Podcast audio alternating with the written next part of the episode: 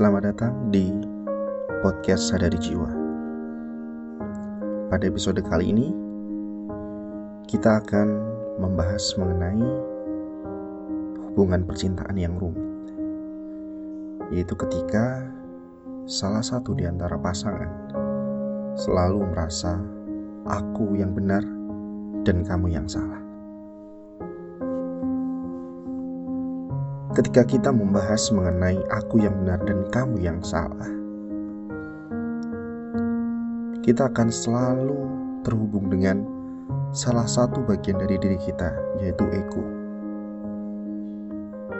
Ego menjadi hal yang menarik untuk kita bahas dalam sebuah hubungan yang romantis, terutama hubungan dengan seorang kekasih. Seberapa sering kemudian kita mengalami konflik dengan pasangan atas nama ego kita masing-masing? Seberapa sering kita lebih suka menjadi pihak yang benar dalam situasi konflik apa pun? Dan seberapa sering pula kita menjadi budak dari ego kita masing-masing dan justru mengabaikan pentingnya hubungan tersebut? Lalu kita baru sadar ketika hubungan itu berakhir.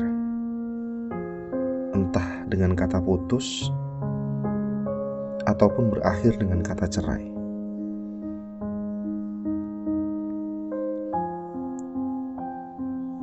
Hal ini menjadi sangat aneh.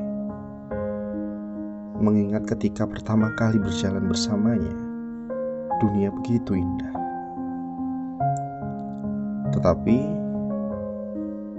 ketika sudah mulai muncul konflik serta muncul perbedaan-perbedaan pendapat,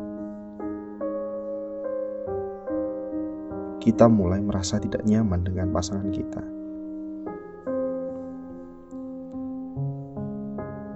Kita cenderung menilai pasangan kita telah berubah. Tentu saja berubah ke arah yang lebih tidak baik.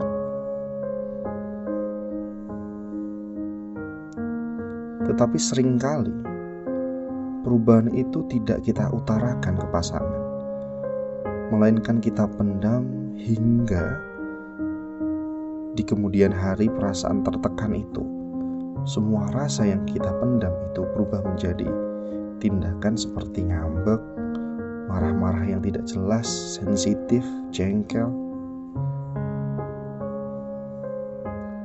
kita yang berubah menjadi sensitif ini merasa tindakan itu adalah hal yang benar, karena harusnya pasangan kita merasakan apa yang kita rasakan sebelumnya. Harusnya pasangan kita paham apa yang kita inginkan. Ya, kita menuntut pasangan kita paham tanpa kita mau mengutarakan. Kita lebih sering menuntut pasangan kita berubah menjadi seperti apa yang kita inginkan atau apa yang kita pikirkan. Kita menuntut pasangan kita agar berpikir sesuai dengan cara berpikir kita bertindak sesuai dengan cara bertindak kita. Dan ketika dia melakukan hal yang berbeda, kita akan mengkritiknya.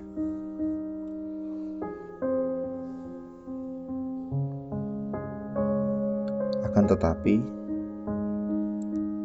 karena rasa ego kita yang besar, kita enggan untuk bertanya Kenapa dia berubah? Kenapa dia jadi berbeda? Tetapi justru kita akan dengan sigap mengkritik dan menolak perubahannya dengan cara yang emosional.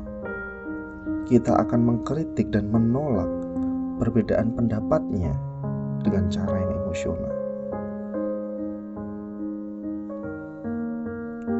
Seberapa besar kemudian energi kita terbuang untuk mengungkapkan perasaan itu secara emosional? apabila sedari awal kita menyampaikannya, bagaimana perasaan kita terhadap sikapnya saat ini. Mungkin tidak ada ungkapan-ungkapan emosional yang akan muncul, sehingga menimbulkan konflik baru.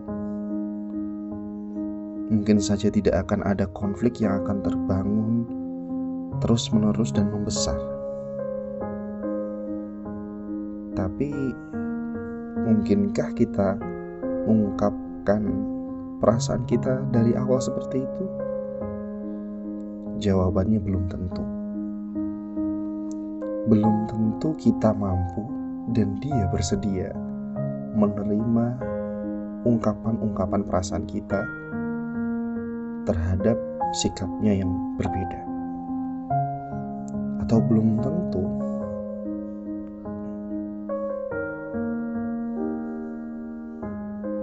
atau belum tentu dia menerima perbedaan pendapat kita juga.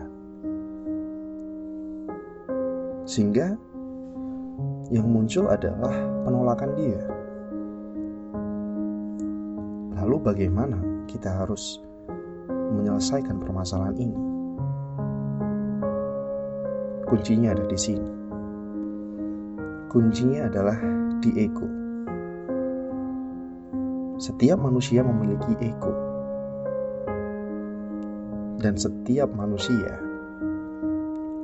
memiliki sistem pertahanan ego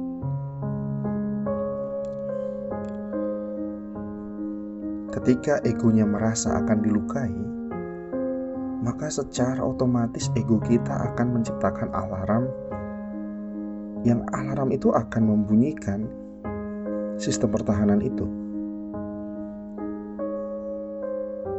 Dan ego akan mengeluarkan jurus-jurus andalannya untuk mempertahankan ego itu agar dia tidak merasa terlukai, disakiti, dan apa jurus andalannya?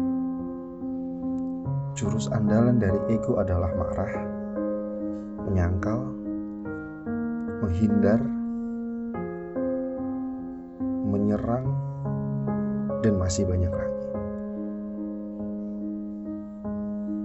Dan kita tahu bahwa hal ini selalu muncul ketika seseorang dikritik atau mendapat tudingan yang macam-macam dari orang lain. Seperti halnya ketika kita sumpahnya dituduh mencuri, mencontek. Kita akan marah, kita akan menyangkal, dan kita akan menolak pernyataan itu. Itu adalah cara ego mempertahankan diri. Tetapi dalam sebuah hubungan, hal ini terkadang justru merusak hubungan itu sendiri.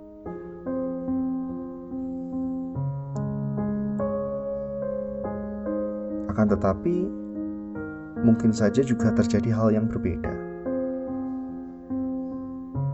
Ketika kita seumpamanya menyalahkan pasangan kita, pasangan kita justru merasa sangat bersalah atas tindakannya, dan dia mempersalahkan dirinya sendiri atas tindakan yang tidak ia sadari. Alih-alih hubungan itu menjadi baik, hubungan itu malah berubah menjadi canggung bisa saja kita yang justru tidak enak hati karena menyalahkannya. Dan pasangan kita justru merasa sangat bersalah dan takut untuk bertindak apa pun. Atau justru sebaliknya, kita yang jengkel karena dia terus-menerus menolak pendapat kita atau menyangkal tindakannya pada akhirnya, kedua hal tersebut, ketika ego kita masih sangat bermain, keduanya tetap akan menghasilkan sebuah konflik yang sedikit demi sedikit akan terus membesar. Dan ketika sudah sampai titik puncaknya, boom, hubungan kita akan selesai. Kalau kita mau menyadari, ketika konflik itu muncul, pada dasarnya di otak kita selalu ada kata, "Akulah yang benar dan kamulah yang salah."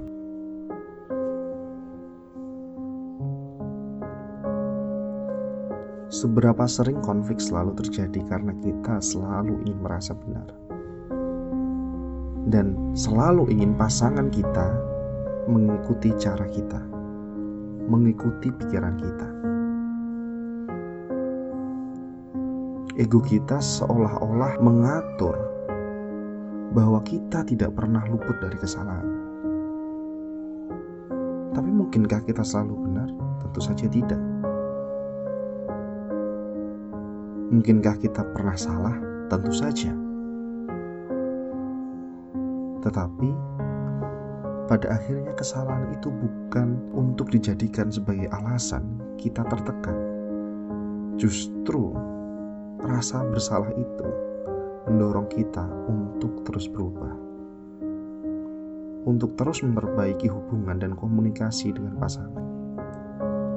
Pernahkah kita sadari bahwa terkadang kita lebih suka menjadi pihak yang benar daripada menjadikan hubungan itu yang benar? Coba perhatikan kata-kata ini. Terkadang kita lebih suka menjadi pihak yang benar daripada menjadikan hubungan itu yang benar. Ya, kita memiliki ego yang membuat kita justru mengabaikan hubungan itu sendiri. Justru lebih mementingkan untuk memenangkan perbedaan pendapat, memenangkan cara pikir, memenangkan prinsip sehingga kita mendapatkan sebuah piala bergilir yaitu aku benar dan kamu salah. Lalu pertanyaannya seberapa sering kita melakukan itu?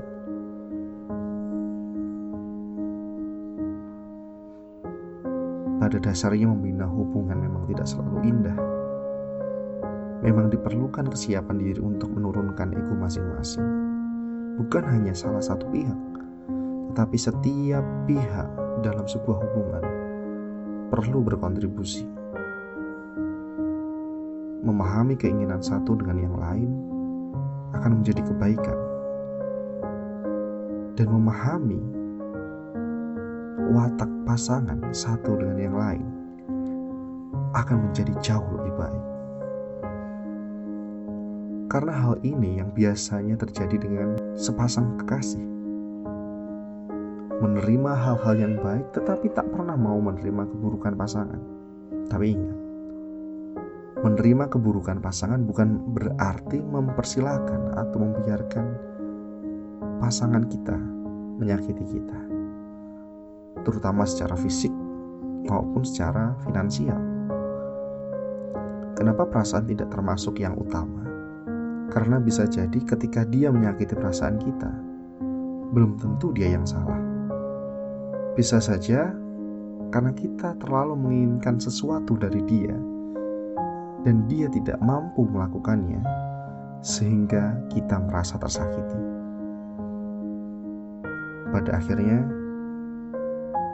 kunci dalam sebuah hubungan tetap saja tentang komunikasi dan menerima pasangan secara utuh.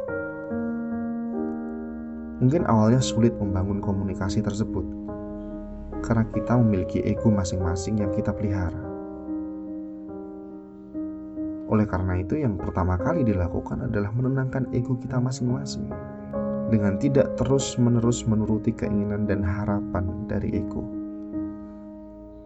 Sesekali kita perlu mengalahkan ego kita sendiri dan belajar untuk mendengar dan melihat dengan cara lain belajar mendengar dan melihat dengan cara pasangan kita. Dengan begitu, kita akan dapat memahami bagaimana kondisi pasangan kita secara utuh. Tetapi, bukankah tidak semua orang ingin menceritakan sesuatu? Jawabannya adalah bahkan ketika dia tidak ingin menceritakan sesuatu, kita akan belajar bahwa mungkin saja dia kurang nyaman untuk bercerita dengan kita, yaitu pasangannya sendiri. Lalu, bagaimana membuat dia bercerita? Caranya adalah buatlah dirimu sebagai tempat mendengar yang baik, dan mulailah dengan menceritakan perasaanmu sendiri secara tenang, bukan secara emosional. Dengan demikian, kita akan mulai belajar untuk melihat satu sama lain, untuk mendengar satu sama lain. Kita akan belajar untuk memahami satu sama lain. Dengan demikian, kita akan mampu menerima pasangan kita secara utuh. Meskipun masih ada keburukan-keburukan yang mungkin muncul, tetapi keburukan-keburukan itu tidak akan menjadi permasalahan di kemudian hari. Justru dengan kita menerimanya secara utuh, mungkin saja dia akan berubah dan menghilangkan keburukan-keburukannya. Dan pada detik ini, di mana kita belajar menerima pasangan kita secara utuh, pada dasarnya kita sedang belajar untuk membangun komunikasi dengan pasangan dengan cara yang berbeda. Penerimaan pasangan secara utuh akan membangun komunikasi yang jauh lebih sehat. Menerima pasangan bukan hanya tentang menerima orangnya, menerima kondisi fisiknya, tetapi juga menerima cara pikirnya menerima pola kerja otaknya, menerima bagaimana wataknya. Sehingga ketika kita melihat dia tidak sesuai dengan keinginan kita, kita akan belajar untuk menerimanya dan memahaminya secara perlahan. Ajarkanlah pasangan kita dengan cara yang sama. Ajarkanlah pasangan kita untuk menerima kita secara utuh sehingga usaha ini tidak hanya dilakukan oleh satu orang, yaitu kita, melainkan dilakukan oleh sepasang kekasih yang saling mencintai. Dengan begitu, di dalam hubungan tersebut tidak akan ada lagi pikiran "aku benar dan kamu salah", tetapi hanya ada "kamu bahagia, aku pun juga". Salam sadar. Semoga jiwa kita bahagia pada momen ini dan seterusnya.